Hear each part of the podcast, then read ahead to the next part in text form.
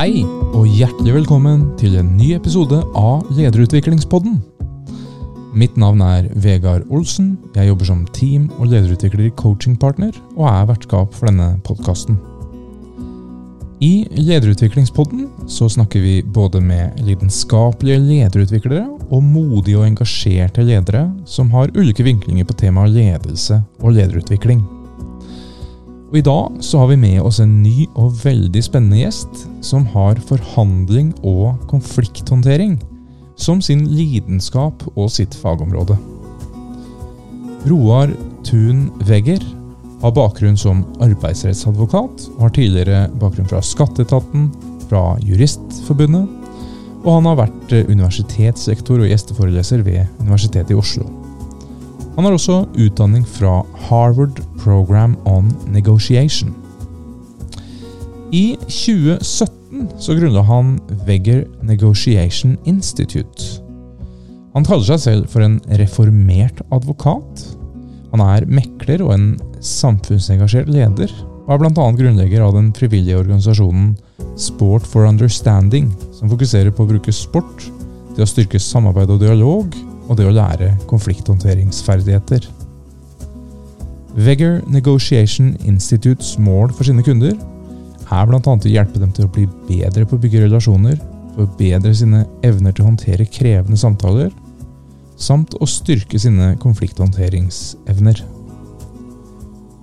Roar har trent ledere, fagfolk og studenter innen disse temaene i Asia, Afrika, Europa og Sør-Amerika.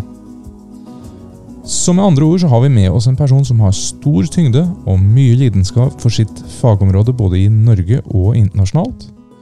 Og vi gleder oss til å høre mer om hans erfaringer og hans tips og råd for hvordan ledere kan utvikle seg til å bli bedre på å håndtere konflikter, bedre på de vanskelige samtalene og bedre på forhandling og løsning. Og med det så ønsker vi deg hjertelig velkommen til Lederutviklingspodden. Roar Thun Wegger, hjertelig velkommen til Lederutviklingspodden. Tusen takk, Vegard. Jeg presenterte litt innledningsvis her om din bakgrunn. Eh, både sånn faglig og roller og titler, og spesielt det der med konflikthåndtering og forhandling, da, som er et viktig tema for deg. og Gleder meg til å snakke masse mer med deg om det. Men vi begynner jo alltid her i podden med å prøve å bli litt mer kjent da, med de som gjester podkasten. Så bak roller, titler, CV osv. Hvem er du? Hva vil du si da? Da vil jeg si at jeg er uh, lidenskapelig opptatt av mennesker. Mm -hmm. Og uh, kanskje et illustrerende eksempel er at uh, vi går på butikken, kona mi og jeg, og hun handler mens jeg snakker. Mm -hmm. og det er vel kanskje det som gjorde at jeg også kjente at jeg har lyst til å starte for meg selv i 2017. Jeg hadde en veldig spennende jobb som advokat. Trivdes veldig godt med jobb og kollegaer og roller og alt. Men jeg kjente at jeg hadde lyst til å bruke denne kunnskapen til å hjelpe folk til å løse konflikter. Mm -hmm. Og det var det å løse de før de går inn døra til rettssalen. Mm -hmm. Og da er det kunnskapen om konflikthåndtering og forhandling og mekling som for meg ble den store lidenskapen. Og det handler om å hjelpe folk til å finne ut av om det er grunnlag for å komme til enighet, komme til en avtale, ta opp vanskelige tema. Du syns det er ubehagelig, kanskje som leder, å snakke om dette. Og da tror jeg på at du trenger hjelp mm. gjennom å gå på trening eller få en rådgiver eller en sparringspartner, som jeg velger å kalle meg, som du kan jobbe med i den sammenheng. Mm. Så betyr det på en måte at du jobber litt tidligere inne i prosessen enn du kanskje gjorde eller enn en tradisjonell advokat gjør, eller hvordan er det? Det som ofte skjer hvis ikke du har denne husadvokaten din som du lett tar en telefon til, er at advokaten kommer litt sent på banen. Mm. Konflikten har låst seg fast. Forhandlinga kommer kanskje i et litt kjært spor. Konflikten har virkelig vokst seg opp. Nå er det tid for at advokaten kommer på banen. Jeg jobber jo for å være den partneren som du har med på lag tidlig. Og mange ganger så jobber jeg med parter hvor eh, jeg er bak gardina og jobber med de, mens de som sitter på andre sida av bordet, ikke vet at jeg eksisterer.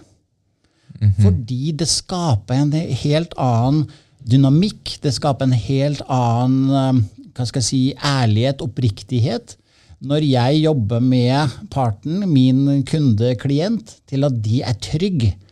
Og gå inn i denne samtalen, gå inn i denne forhandlinga, gå inn i denne meklinga, hvor de da gjennom sin trygghet, gjennom å ha en metode, systematikk, verktøy, gjør dem i stand til å håndtere det som kommer fra andre sida av bordet. Så skaper det en automatikk også med perspektivet den andre opplever hvis jeg kommer med en uh, velkledd uh, advokat ved siden av meg, som uh, det skaper ofte en distanse. Så jeg jobber for at partene selv skal være aktive rundt bordet til å løse saker tidlig.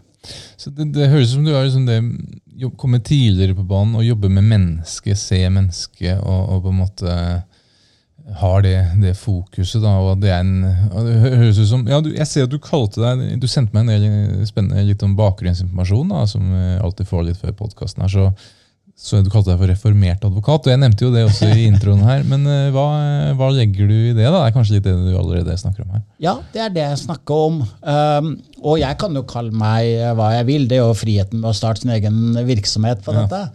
Men det var en israelsk kollega av meg som jeg eh, lånte denne tittelen fra. eh, Fordi jeg hadde jobba som tradisjonell advokat og oppdaga ved å komme tidligere på banen, jobbe tettere med sine kunder og klienter, at hun klarte å bidra mer ved å jobbe eh, Det blir jo mer preventivt du da jobber. Men hvis vi tar dette inn f.eks. i en konfliktsammenheng, så vet vi at jo lengre mennesket står i konflikt, jo dårligere evne det menneskelige hjerne å tenke rasjonelt og ta gode beslutninger. Og det gjør at vi eh, mister eh, mye av den eh, rasjonelle tankevirksomheten vår, fordi at vi står i dette spenningsforholdet. Ja. Og jo mer vi klarer da å jobbe tidlig på dette, eller vi har en metode som hjelper oss til dette, jo mer klarer la oss si, jeg som leder da, til å gå inn i denne samtalen med deg, Vegard, og være trygg i meg, selv om jeg skal ta opp krevende tema. Ja. Og der tror jeg mye av eh, det som leder til eskalering i situasjoner. La oss ta et eksempel. Jeg kommer inn. Jeg har innkalt deg til klokka tolv. Jeg kommer inn litt hastende med papira under arma. Klokka er rett før tolv. Eh, Du sitter der, du har blitt innkalt av meg, og du har kanskje ikke fått den fulle agendaen engang på hva dette skal handle om. Så du begynner da å lage deg bilder, kanskje berettiget, kanskje ikke, av hva dette skal være. Og det vi da ser, er jo at jeg er med gjennom min velvilje til å ta opp dette, som jeg er forplikta til, det ligger i rollen min å gjøre dette, er med helt uten å være klar over det, har skapt et grunnlag for usikkerhet hos den andre. Og det leder gjerne til at den også går i forsvar. Ja. Den er ikke der for å høre meg ut til at jeg nå skal forklare dette, men er i forsvarsmodus. Det forsvarsmoduset gjør jo at den heller ikke lytter godt på det budskapet som kommer inn. I tillegg, hvis jeg går på meg selv, så er jeg kanskje ikke trygg i denne situasjonen. Jeg grudde meg til å møte deg, Vegard. Og hele meg preges av det når jeg møter deg. Og der har vi da to utrygge, selv om vi framstår kanskje utad som trygg, men så er vi på ingen måte det. Og da er jeg opptatt av at folk lærer seg et språk, en metodikk, noen verktøy som gjør at vi klarer å skape denne samtalen, ubehagelige samtalen, på en så god måte som mulig. Utrolig spennende den tilnærmingen eh, du, du og dere har der. da, virkelig. Og, og, og det er, I veldig mange av disse podkastepisodene her sånn, så har vi jo snakka om psykologisk trygghet. Og det er blitt et veldig sånn uh, trendord nå, men eh, det er jo noe som alltid har vært viktig. Det har alltid vært viktig å ha en trygghet for å kunne prestere, ha en god relasjon. Um, og den blir jo enda viktigere når det er en konfliktsituasjon. Uh, da er det jo det er noe virkelig sårbart, og hvis man da også har mista den tryggheten, så kan jo det hindre veldig mye, sikkert. Og, og, hvis man klarer å skape den tryggheten, så kan det sikkert skape veldig mye.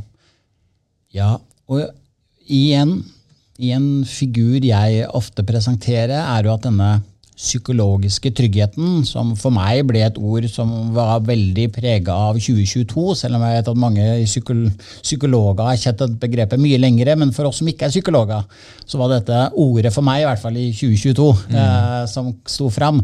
Psykologisk trygghet og innflytelse. For det er det jeg ønsker å få til når jeg møter deg i dette møtet. Mm det krever jo ulike trappetrinn nedover. Og et av de trappetrinnene er jo tillit. Før det så kommer empati, at jeg viser forståelse. Og der tror jeg mange ø, sliter, fordi å vise forståelse i en sånn situasjon det blir ofte sammenligna med at jeg er enig med deg.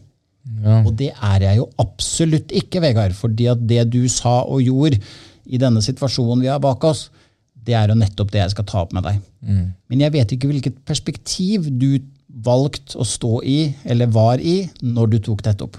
Så empatibiten er en viktig bit for at du skal skape denne psykologiske tryggheten, eller få denne innflytelsen. Mm -hmm. Deretter, eller tidligere i denne trappetrinnet, trappetrinnet, så ligger jo evne til gode kommunikasjonsferdigheter. Ja. Ja. Jeg bruker å si på mine kurs snakk mindre, still flere spørsmål, ja. og lytt. Ja. Og der, hele dette trappetrinnet, mm. får jo mye plass på treninger eller workshops med meg. Vi snakka litt på gangen her før vi begynte om uh, lytting som en viktig ting. og Det er noe jeg snakker mye med mange ledere om. Uh, og, og, så er det det å lytte er jo også veldig forskjellige ting. Altså, du kan jo lytte for å forsvare deg, eller for å respondere, eller for å forklare, eller for å finne neste mulighet. Og, ja, men det var ikke det jeg mente. Men så kan du lytte for å prøve å forstå den andre parten. Selv om du kanskje er uenig med den, så ønsker du, du har en intensjon hvor du ønsker å forstå bedre. Og jeg tror jo bevisstheten må jeg ha med meg før jeg starter denne samtalen med deg, Vegard. Mm. Fordi det vi ofte går inn i, og spesielt hvis jeg er usikker på hva jeg nå skal ta opp med deg Jeg syns det selvfølgelig er ubehagelig. Eh, jo mer jeg da er klar over dette selv, eh, jo tryggere kan jeg være. Og det vi da ofte ser, er at vi, vi tror vi, vi, lytter. Jeg bruker å si det er da vi hører. Mm. Ja. Eh, men jeg forbereder meg jo mest på hva jeg skal si etterpå. Og det var det, når du nå snakka, så satt jeg og så på mine notater, for jeg var jo da klar til å ha svar på noen ting som jeg hadde forberedt meg på, men ikke var det spørsmålet du egentlig stilte meg. Mm -hmm. Og det er jo der vi ofte slår feil, for det merkes jo. Mm. Og Det som er gøy da å se, det er jo at nyere forskning innenfor lytting Da har vi mange av oss vi har tenkt at jeg må være helt stille når jeg nå skal høre på deg, Vegard. Og da bruker jeg illustrasjonen vi lytter som en svamp Poenget mitt her nå er å ta alt inn, så mye jeg kan. Og det jeg nå etterpå skal skvise denne svampen, så jeg prøver å gjengi det, alt det du har sagt. på best mm. mulig måte. Mm. Nyere forskning viser at vi skal mer bruke illustrasjonen trampoline framfor svamp. Mm -hmm. Trampoline, hva gjør du der? Jo, du bouncer tilbake hele tida. Yes. Så du får den der, akkurat det ordet du sa nå. Yes. Du står, sitter her og nikker til meg og smiler samtidig. Jeg ser du kommuniserer med meg, selv om du ikke du sier noen ting. Men du har de der små tilleggs mm, ja, mm, jeg hører, jeg skjønner. Alle de der er småord. Eller at du omskriver det jeg nettopp sa til deg, med mm. dine egne ord, sånn at du sjekker ut om du har dette. Mm. Og så kommer du tilbake med nye spørsmål til meg. Så jeg har lyst til å si, neste gang du går inn i denne samtalen, tenk at du er på en trampoline ute i hagen. Fin bilde. Og du får denne frem og tilbake, frem og tilbake hele tida. Det er den aktive lyttinga. Og det som skjer da, er at den du snakker med, opplever jo at du er til stede. Mm. Og da vi, kan vi begynne å gå opp disse trappetrinnene igjen. Mm. Til denne psykologiske tryggheten. til å si ja, du lytter aktivt, engasjerende, eller mange ord vi kan bruke på dette. Du stiller gode spørsmål. Du avklarer, ikke minst, så vi unngår at vi bygger på antakelse. Mm. da får du forståelse, da bygger du tillit, og så er vi oppe på denne evnen til å få innflytelse, eller psykologisk trygghet, som du beskriver. Ja. Så vi, vi, snakker jo om den, den aktive lyttinga her, sånn, og liker det trampolinebegrepet også. Og, og, i min egen trening i forhold til å jobbe med det jeg gjør nå, så jobba vi jo nettopp med aktiv lytting og bevisstgjøring og trening på det osv. Hvordan er det liksom, i, i, i advokatverdenen eller i forhandlingsverdenen? Altså, er det noe som, det virker som noe du har definitivt bevisstgjort deg og trent på, da, men er det noe som er eh, Det høres ut som det er noe som er grunnleggende for egentlig alle profesjoner, nesten. Men uh... jeg, Det er grunnleggende for alle profesjoner. Jeg tror det er grunnleggende for all mellommenneskelig uh, kommunikasjon, relasjon. Så er det. Um, så er det da mye som går på den rasjonelle verden. Jeg bruker, ofte, jeg bruker alltid å si uh, at i enhver konflikthåndteringssituasjon, forhandlingssituasjon, så er det tre dimensjoner. Mm -hmm. Det grunnleggende, som jeg bruker å si ofte er grunnmuren i dette, det er relasjonsbygginga oss imellom. Tillitsbygginga. Evnen din til å ha troverdighet, eller at den andre opplever troverdighet. Mm -hmm. Den andre dimensjonen, som jeg bruker ofte å kalt reisverket i dette huset vi nå skal bygge opp, det er kommunikasjonsprosessen. Mm. Som vi kort nå berørt her nå tidligere, med flere faktorer. Og så er den tredje dimensjonen det er substansen i det jeg ønsker å snakke med deg om. Ja. Og det som ofte skjer, er at vi skal være veldig effektive. Vi skal være gode. Det var jo kort tid. La oss hoppe tilbake til det møtet vi nå starta klokka tolv, og jeg skal ta opp dette vanskelige temaet med deg. Hva mm. gjør vi da? Vi har kvarter, vi har 20 minutter. Kanskje jeg kan strekke det til 12.30 før jeg skal løpe i neste møte. Jeg skal være effektiv. Jeg går rett på sak. Mm. Jeg har ikke bygd opp den tilstrekkelige graden av grunnmur eller satt opp dette reisverket for denne samtalen før jeg hopper inn i det temaet jeg skal ta opp med deg. Jeg har ikke mm. bygd opp dette. No. Og der tror jeg vår rasjonelle, effektive bit ofte gjør at vi skeiner litt ut, og som gjør at samtalen tar mange ganger en feil retning på mm. det vi egentlig ønsker å ta opp. Ja. Så det, mye av det jeg snakker om, både i sånne én-til-én-samtaler når jeg jobber med ledere, eller på treninger, er å bli bevisst på de tre dimensjonene, mm. og hvordan du skal forberede og legge til rette for at de tre er hver gang nødvendig å ha på plass. Ja. For hopper du rett inn i den substansen, så har du ikke noe grunnlag eller reisverk for å bygge det huset du ønsker å bygge. Ja. Og det krever jo mer tid, da, vil jeg tro, som regel. For å kunne Ja, og det er et argument som ofte blir brukt. Vi har jo ikke tid til å holde på med dette. Men dette trenger ikke nødvendigvis å ta så lang tid. Nei. Tillit, troverdighet, varme og kompetanse sin hjerne er de to grunnfaktorene i tillitsbygging. Vis da at du bryr deg om den andre. Mm. Ta deg tid. Kom tidlig. Ja. Gjør det klart. Sett grunnlaget for at vi skal ta dette opp. Mange, synes jeg, må tørre å dele om seg selv. Mm. For det handler om at du ønsker å lære meg å kjenne. Og hvis du ikke kjenner meg i det hele tatt, ja, da leser du meg da på bakgrunn av den klesdrakten jeg kommer inn, eller hva det nå er for noe. Har du anledning, så er det mulig kanskje å sette opp et lunsjmøte på forhånd. da, Eller ta start med en kopp kaffe og en uh, bolle som du tilbød meg her nå i, i, dag, til å få den praten først. Mm. Ja, set, Send en agenda på forhånd. da. Gjør den andre trygg på hva som skal komme. Mm. Fortell f.eks. For at du syns det er krevende å ta opp dette temaet. Det er jo en, noe den andre ganske sikkert vil kjenne seg igjen i. Mm. Du mister ikke noe av autoriteten din eller noe av eh, substansen i det du skal ta opp, mm. ved å tørre å dele det. Jeg tror derimot du klarer å skape et grunnlag for at den andre også tør å dele. Med andre ord, du er mer transparent. Og hva er det vi ser da? Vi får ofte transparent tilbake. Jeg har forandra min forhandlingsmåte. For når jeg ser tilbake, så ser jeg at jeg tror jeg holdt kortene så tett til brystet at jeg kanskje, hvis jeg nå ser tilbake, var litt sånn veldig i tvil hva jeg egentlig holdt på med. I dag er jeg betydelig mer åpen. Ja. Og det jeg får tilbake, er åpenhet. Ja.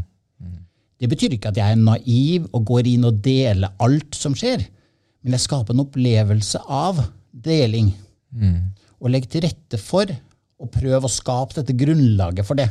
Det er klart, det virker jo ikke hver gang, det. Selvfølgelig gjør det ikke det. Men jeg kan gjøre det som er mulig for meg til å skape dette grunnlaget. Ja. Og så er det en gjensidighet som skapes. Vi er midt inne i kjernen på mange viktige ting her sånn nå, som vi snakker om. Kjempebra og spennende. Og, og, og en av grunnene til at jeg vil be inn nettopp deg, var det at jeg har egentlig vært på utkikk etter noen som har mye kunnskap om nettopp det med eh, konflikthåndtering, forhandling, det vanskelige samtalene. For det er noe som alle ledere tenker mye på, forholder seg mye til, syns det er vanskelig, syns det er eh, sårbart. Mange kanskje skyr unna også. Eller venter til de må, for å si det sånn. Eh, Så, så det er viktige temaer, og eh, jeg gleder meg til å snakke mye mer om det. Men litt sånn før vi går litt mer inn på hva det vil si å utvikle seg på det her sånn som leder, så litt sånn begrepsavklaring her. altså Det er på en måte forhandler, eh, konflikthåndterer, det er mekler, det er Hva er alt dette? Ikke sant? Har du en liten sånn forklaring på det? Jeg, jeg bruker en illustrasjon, jeg, hvor eh, du ser for deg denne linja fra, høyre, fra venstre mot høyre. Og da starter jeg nederst på venstre side, og der kaller jeg eh, konfliktløsning eller konflikthåndtering. Så går vi videre inn i eh, forhandling. Det kan jo skje mellom deg og meg, eller vi har hver våre rådgivere inn i dette. Klarer vi ikke å løse det gjennom dette, så går vi et steg videre til høyre. Da kommer mekleren inn.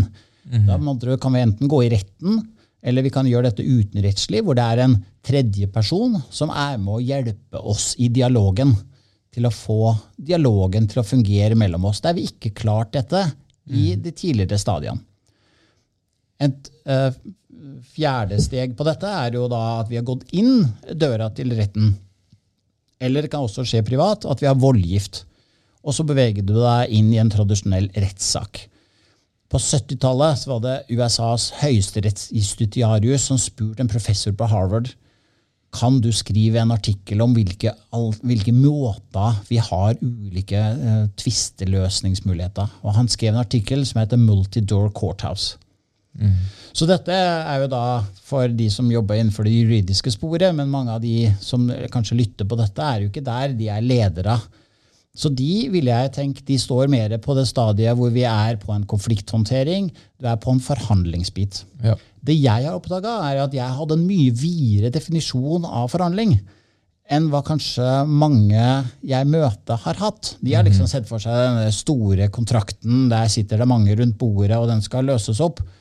Vi skal komme fram til noe. Mens jeg ser mer forhandling som den der strategiske kommunikasjonsprosessen som er mellom to som ønsker å komme fram til en løsning. Og der er det jo to viktige elementer, i hvert fall. Eh, strategisk kommunikasjonsprosess. Det er jo det nettopp vi har berørt så langt i samtalen vår. Det er den det kommer ofte ned til. Og så tror jeg det er litt viktig også at folk tenker når de går inn i dette, at det handler jo ikke om at vi skal bli enige. Det handler om om vi skal se om det er grunnlag for at vi skal bli enige. For det gjør det at du kan gå mye eh, hva skal jeg si, mer avslappa inn i dette. For da tenker du jeg skal jo, bare for at jeg sitter ned med Vegard, så skal jo jeg ikke finne en løsning. Jeg skal se om det er mulighet til å finne en løsning. Er viktig. Og der gjør jo jeg at jeg har plutselig Jeg kan gå til Kari eller Ola i stedet. Når jeg ikke finner en løsning med Vegard. Så jeg har alternativene mine. Og der, i den sammenheng, er det et, en stor styrke. Ja.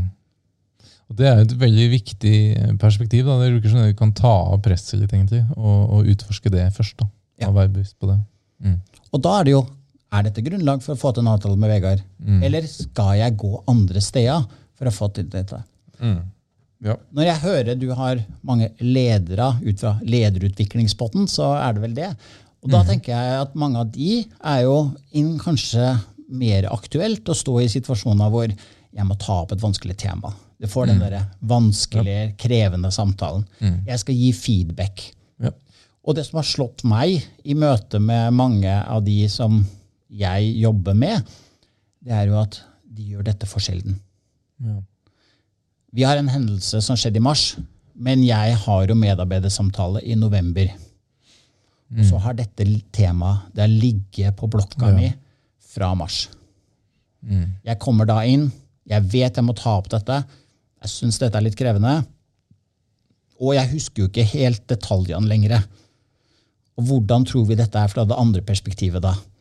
Det er kanskje like vagt. De husker ikke situasjonen, og så skal vi begynne å gjenskape denne situasjonen, som det ender opp da med at eh, kanskje ikke alle har det helt klart. Vi må bygge på noen antakelser. Dette har gått litt i glemmeboka, med både bevissthet og ubevissthet at du har gjort dette, og så skal dette tas opp. Så hvorfor ikke ha sånne medarbeidersamtaler oftere? da? Ja. Må de være så formelle? Ja. Ta den situasjonen når den oppstår. Ja. Og det, jeg har gått gjennom en del eh, forskning nå det siste året her på det med hva er liksom nøkler for lederutvikling og for team til å lykkes og god teamledelse. Og det kommer jo stadig vekk tilbake på den eh, psykologiske tryggheten som en sånn grunnmur nesten der. Og da er jo nettopp det der med regelmessige samtaler, åpne samtaler, mye feedback. Mange hører jo dessverre at 'jeg har ikke hørt noe fra sjefen min, derfor så går det sannsynligvis bra'. Det er nesten litt sånn motsatt av den psykologiske tryggheten. Dessverre så er det veldig mange som er vant til det. Det er deres verden og virkelighet er sånn. Så, og, og, og litt som det du snakka om her, at hvis man da har den hendelsen som skjedde i mars-april, og det ikke blir snakka om i det hele tatt, så blir jo det fortolka i alle mulige former og retninger. Og så noen ganger bygger det seg opp et, eh, et troll, holdt jeg på å si, altså både på den ene og andre siden, og så vokser ting seg i alle mulige retninger. Da. Ja, og jeg velger jo i alle fall som den som eventuelt gjorde denne tingen som du, min leder Vegard, ønsker å ta opp med meg. Jeg tolker jo i alle fall dette som at dette er stilltiende akseptert. Ja. Mm. Det, det er jo min hjerne som, som fortolker dette. Din hjerne tolker dette kanskje på en annen måte, men du har ikke tid i dag til å ta dette opp. Og så kommer jo neste uke, og så liker jo den over, og så får jeg heller ta det opp da i denne samtalen som kommer på et senere tidspunkt.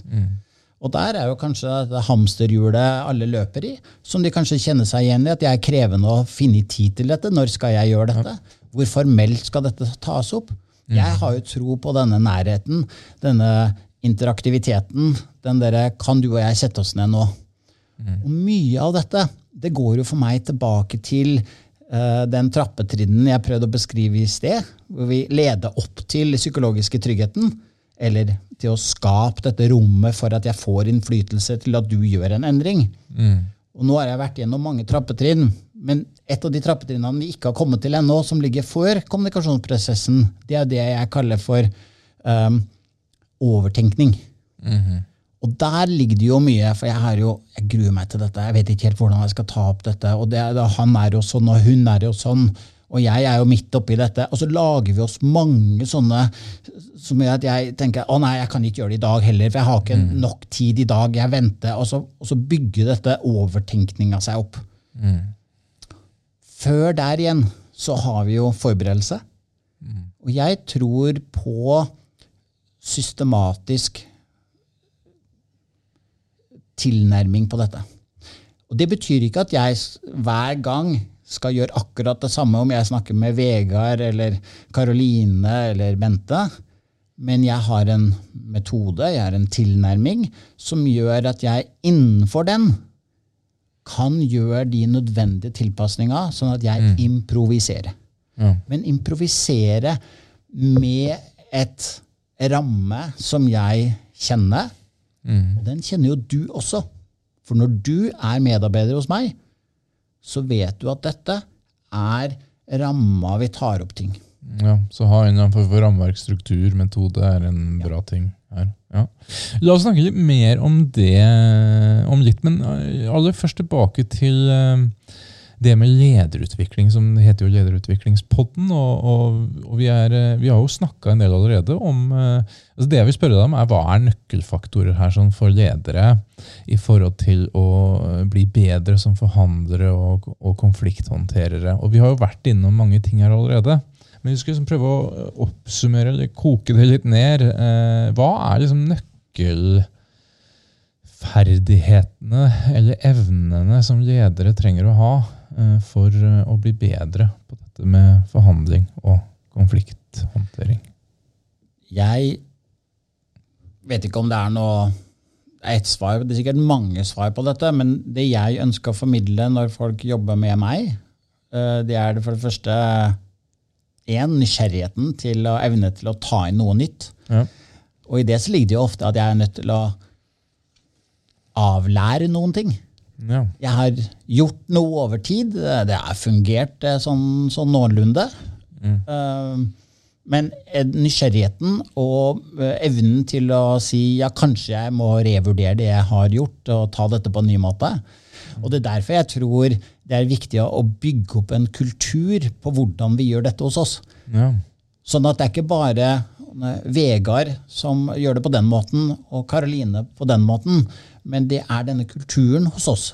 Det er mm. sånn vi gjør det hos oss. Ja. Og det gjør at også det skaper senere en forutberegnelighet hos de som sitter på mottakersida i denne, denne, sammenhengen. Så egentlig da en kultur for nysgjerrighet og en kultur for åpenhet høres ut som mange måter. Ja. ja. ja. Og på bakgrunn av det så tror jeg vi må gjentagelse.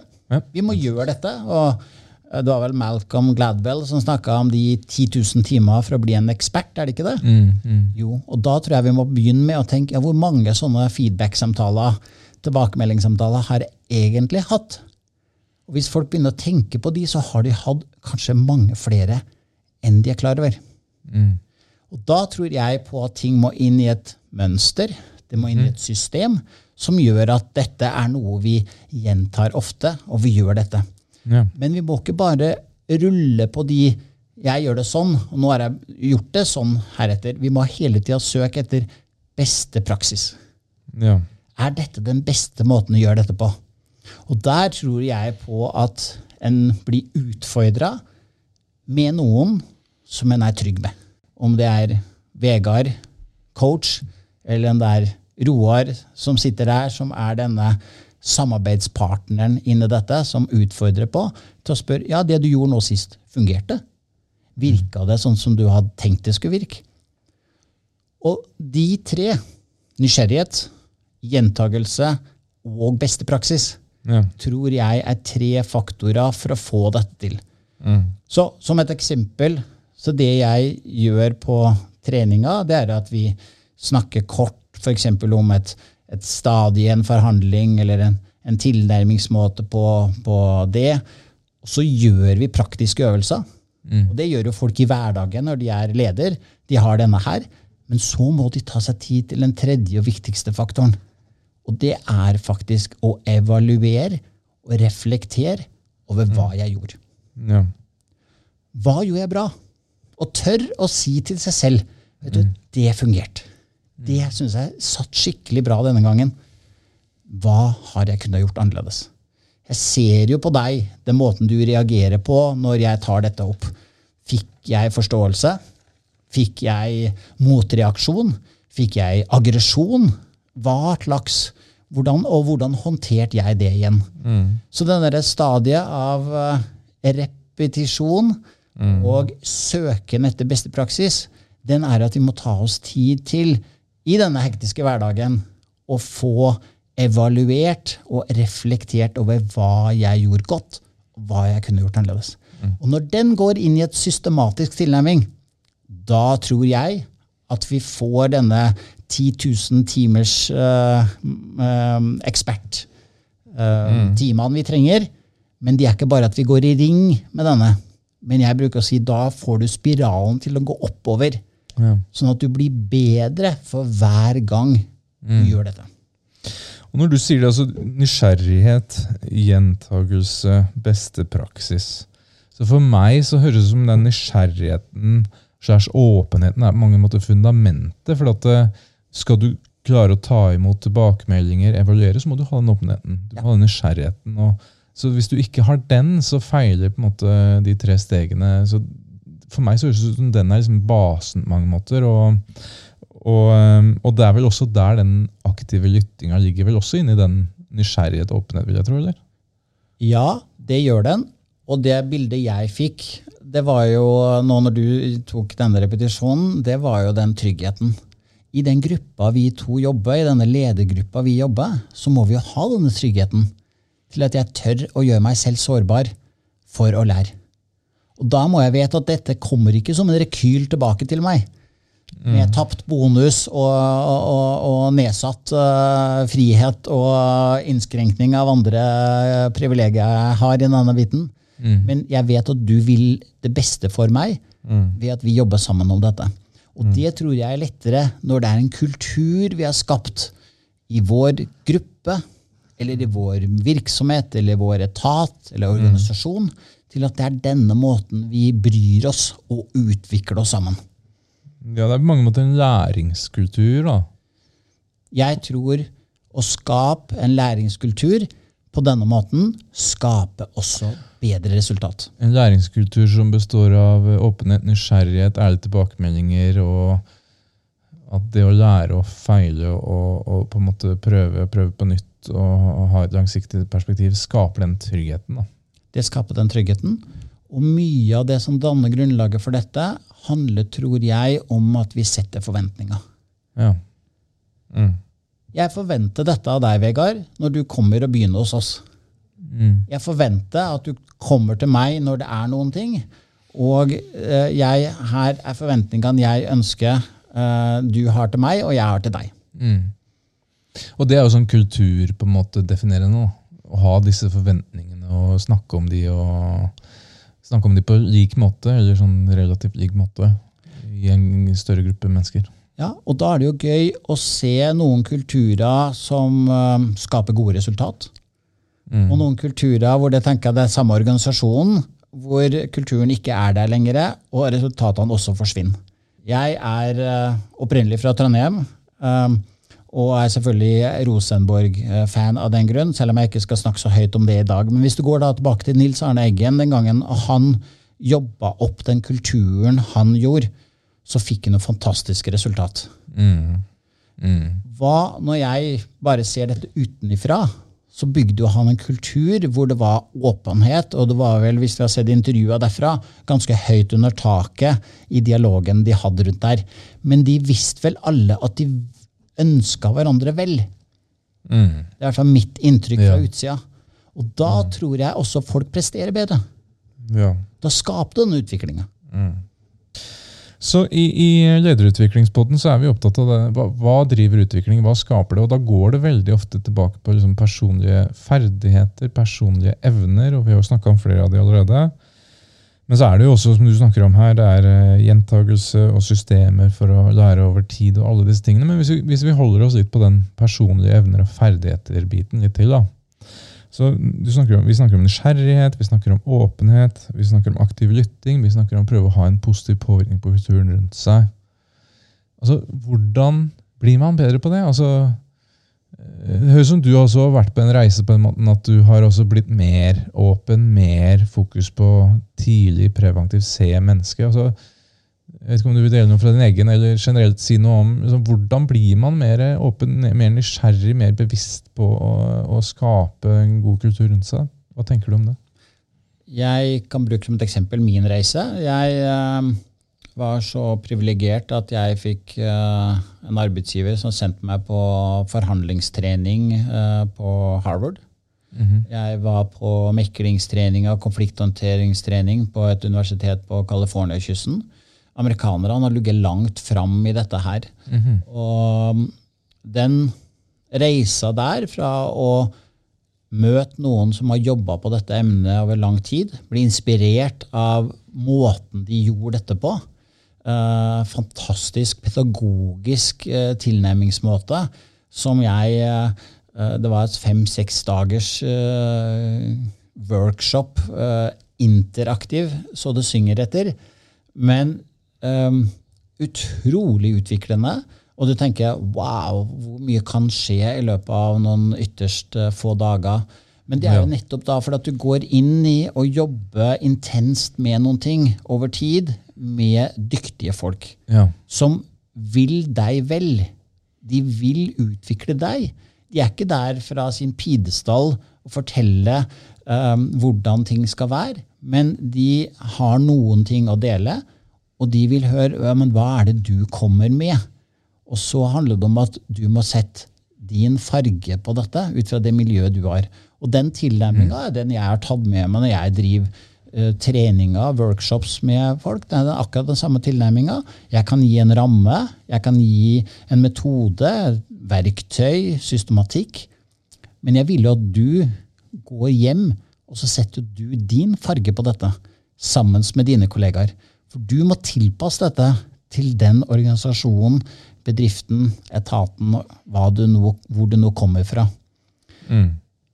Så min reise har vært at jeg ser eh, hva dette gir, og på den måten der kjenne at Og det var da den lidenskapen for meg ble vekt. da, Mm. Til å si dette har jeg lyst til å holde på med. Ja. Og da i møte med mennesker, og se hvordan de evner i enda bedre grad å jobbe preventivt for å redusere Mm. konflikter, eller lettere forberede. Veldig spennende svar, syns jeg. Også takk for at du deler det. da. Og, og sånn, altså, det å bli mer nysgjerrig, mer åpen, det kan vi bli. Men det høres ut som ut fra dine refleksjoner og svar, da, som jeg tror mange kan kjenne seg inn i, og definitivt jeg gjør også, det handler om at man å lære noe nytt. Gjøre noe nytt, prøve noe nytt. eh, møte noen spennende mennesker som tenker litt annerledes, bli inspirert. Møte noen som er rollemodeller, og kanskje som er ekstra flinke i det faget som mer, mer enn du er eh, her og nå. Så liksom, det er en, måte en sånn gå ut, gjøre noe nytt, prøve noe nytt, lære noe nytt, finne noen som du kan lære noe av, eller bli inspirert av, eller tenke nytt om. Så det, det er noe alle kan gjøre. Eh, ikke alle som får mulighet til Harvard, men, men i hvert fall man, i ulik grad eh, møte nye mennesker, sette seg i nye situasjoner. Da. Ja. Og vi har tilgang på bøker, artikler. Vi har en uh, kultur i dag som det skjer mye online. Om du ikke har mulighet til å reise et sted og være i en boble over tid, så har du kanskje mulighet til å delta på, på kurs online. Du får noen smakebiter eh, på dette. Kanskje det er flere i en virksomhet som gjør dette sammen. Jeg tror jo veldig på det. Eh, fordi at da, skap, da er det med å skape en kultur hvor, vi, hvor det er flere som kjenner seg igjen i det språket og i den eh, metoden du lærer. Men jeg tenker også sånn, det som jeg synes er så spennende med å snakke om det vi gjør nå, er det at eh, og det er jo noe av grunnen til at denne podkasten eksisterer, er det med å Er dette bevegelige størrelser? Og min erfaring er jo at det veldig ofte er det. så noen er sånn, tenker at ja, men så er man nysgjerrig, så er man ikke så nysgjerrig. Enten så er, man åpen, eller så er man ikke spesielt åpen. Som person eller som leder. Men igjen så er jo det vi snakker om nå, er jo eksempel på at dette er bevegelige størrelser. Man må kanskje prøve et eller annet nytt. Jeg tenker at Det trenger ikke å være så mye nytt. Det kan være én liten ting som du gjorde annerledes neste uke. En person du ikke har kontakta på lenge, eller har tenkt å kontakte med, som du nå endelig tok kontakt med. Og hadde og kanskje booka et Zoom-møte eller en kaffeprat om tre uker. Det er liksom starten. Og da skjer det noe nytt. Da, da, vokser det noe nytt eh, i oss fordi at vi eh, gjør noe nytt. da. Enkelt og greit. Og da, det er akkurat som det vi vekker noe, vi inspireres og vi møter andre som har noen kanskje ferdigheter som vi ønsker om, men ikke har det kanskje helt PT. da. Ja. Og det jeg snakker mye om, i både i sparringssamtaler, men også på treninga, det handler jo om denne bevisstgjøringa først. Ja. bevisstgjøringa på hva er det, og da er du, Se for deg kompetansetrappa. Hva er det jeg eh, tror jeg trenger? Bare det at du begynner å stille spørsmålet ved det, gjør at du har bevegd, eh, begynt, begynt en bevegelse opp den trappa. Mm. vil si, jeg føler at jeg trenger noe nytt. Ja. Med andre ord, jeg blir bevisst på at jeg er inkompetent på et område. Og så kommer jo den ubehagelige neste trinnet, hvor jeg blir bevisst at jeg er inkompetent på visse ting. Det er da du da søker ut. Da får denne partneren du jobber med, eller coachen, eller går på denne treninga, eller hva det nå er. Sånn at du øker denne. Og så kommer vi da inn på at jeg er jo nå eh, bevisst kompetent. Eh, og så flytter vi oss videre, videre oppover. Ja. Det er jo en spennende, spennende reise. Så bevisstgjøring det er jo mye av det jeg snakker om. Fordi jeg kan hjelpe folk med prosessene som vi nå har vært innom. Og så må jo den enkelt, enkelte er jo eksperten på sitt område. Om det er salg av produkt Y eller eh, produkt X, eller skal gjøre ditt eller gjøre datt, så er jo de personene de er jo eksperter på sitt område. Og da er vi inne på denne substansen som vi snakka om tidligere i dag. ikke sant? De tre dimensjonene. Men det jeg prøver å få fram, er at jeg er den eksperten du søker råd hos for å bygge denne tillitsfundamentet. Hva skal til for å få dette til? Hva skal til i denne kommunikasjonsprosessen? Med andre ord, vi er på prosessorientering. Og når dette syes sammen, det er da jeg mener vi får gode resultat. Ja. Og det er det som er morsomt. Vi gjør alt dette bare for at jeg skal ha personlig utvikling. Jeg er jo et sted, jeg er ansatt et sted for, å- for å skape resultater. Og de blir jo ofte målt i en økonomisk verdi. Ja. Og det må jeg også synliggjøre tilbake, at dette har noe for seg. Eh, men eh, sånn helt til slutt eh, Eller ikke helt til slutt, men altså sånn, vi snakka om metoder og system. og Vi har ikke tid til å gå så veldig inn på det, men du, er det noe du vil anbefale? Er det på en måte noen bøker, eller er det en eller to metodikker du vil anbefale de som ønsker å lære mer her på det? Gi dem noen pekere der? Det fins en rekke gode bøker, eh, både på norsk og eh, engelsk. Eh, Det er skrevet selvfølgelig betydelig mye mer litteratur på engelsk enn hva det er på norsk, men du får også en rekke gode bøker på norsk. Jeg ønsker jo selvfølgelig å fremheve én bok som jeg bruker som grunnlaget for mye av det arbeidet jeg gjør. På engelsk heter den The Power of Nice. Mm ve- den er også å få tak i på norsk, og på norsk så, så heter den Forhandlingskraft. Og det er jo et konsept som, som jeg jobber uh, og trener folk i, og mye av det det handler om i denne sammenhengen her, det er jo at vi skaper en uh, Niceheten, den, den vil jeg oversette til at den handler om å skape en trygghet i deg selv. En selvsikkerhet i deg selv til å skape denne roen når du går inn i denne samtalen, forhandlinga du skal gjøre. Fordi at da er vi tilbake til det vi sa i sted. Du starter med deg selv. Det har fokus på relasjonsforhold. Og det er jo nettopp det fordi at vi vet at gjentagende forhandlinger ofte gjør det for det første billigere å få en gjenkjøp eller en reforhandling av en avtale vi allerede har gjort, enn å starte på et helt nytt marked som du skal gå ut der. Så det det handler om, er jo hvordan du ivaretar og skaper ting sammen med det andre. Som er grunnlaget for hele den filosofien jeg tror på. Jeg tror på samarbeid. Jeg tror jeg får til å skape mer, både for meg selv, men også for den jeg forhandler med, med en samarbeidsorientert tilnærming. Og det handler da om å bli, få en effektiv og trygg og god forberedelsestilnærming. Det handler om hvordan jeg skal bli enda flinkere til å utforske. Og det er jo det vi snakka om innledningsvis i dag. Jeg sier snakk mindre, Vegard. Still mer åpne spørsmål og, og lytt. Som er tre knagger inn på denne utforske. Ja. Og det vi prøver å gjøre der, er å lære noen enkle metoder. Jeg bruker å si en av de, bare for å si det med en gang før du kommer på trening med meg. Det er, det er, det er forkortelsen WHAT. W for alle åpne spørreord. H for hypoteser. A-en for svar på spørsmål med spørsmål. Og det ligger i det. Ikke bygg på antakelser. Vær sikker på at du svarer på det den andre spør deg om. At du forstår det. Og så er T-en står for det fantastiske 'fortell meg mer', Vegard. Mm. Tell me more. Tell me more. Og det, vi alle ønsker jo å gjøre det med ting vi brenner for. Du inviterer meg til og med her for at jeg skal få lov til å snakke i hva er det, pluss en time om ting jeg har lidenskap for. Og det er jo bare å trykke på knappen 'tell me more'.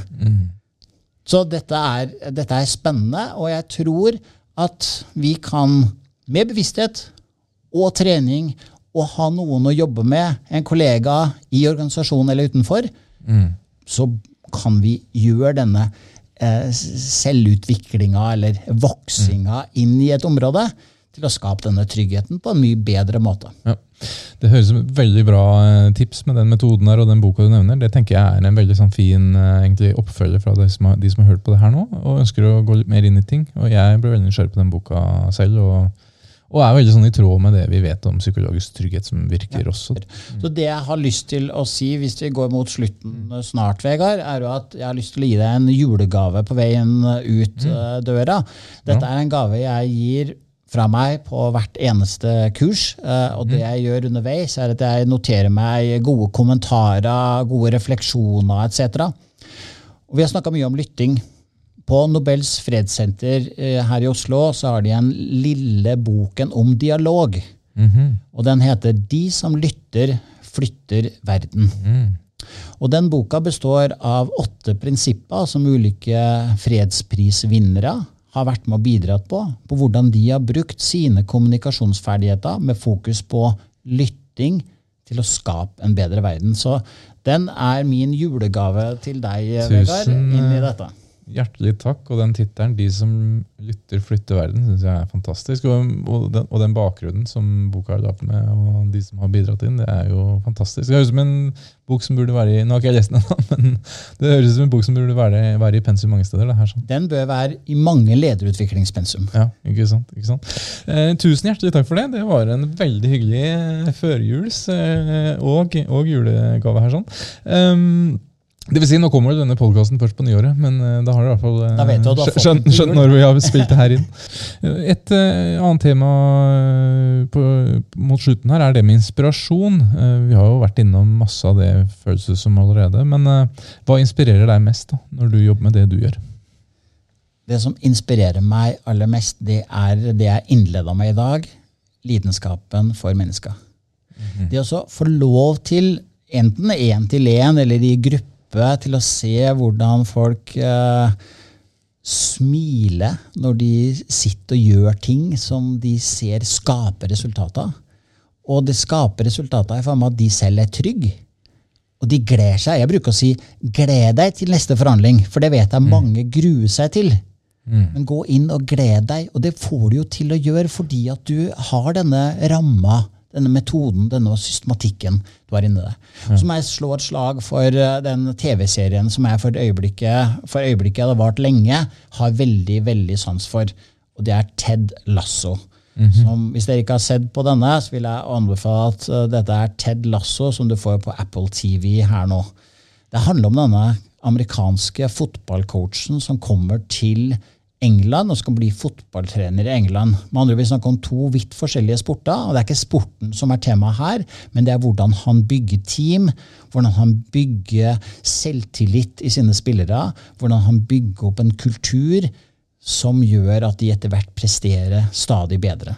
Mm. Så det er for meg inspirasjonen for øyeblikket. Mm. Eh, det er å se hva Ted Lasso eh, klarer å skape gjennom sin slogan 'Believe'.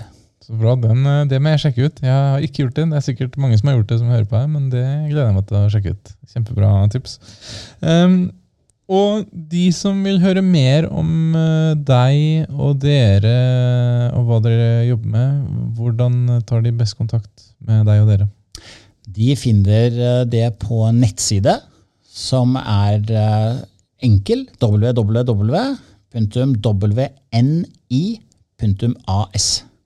Men vi er også på LinkedIn. Jeg er på LinkedIn, mitt fulle navn.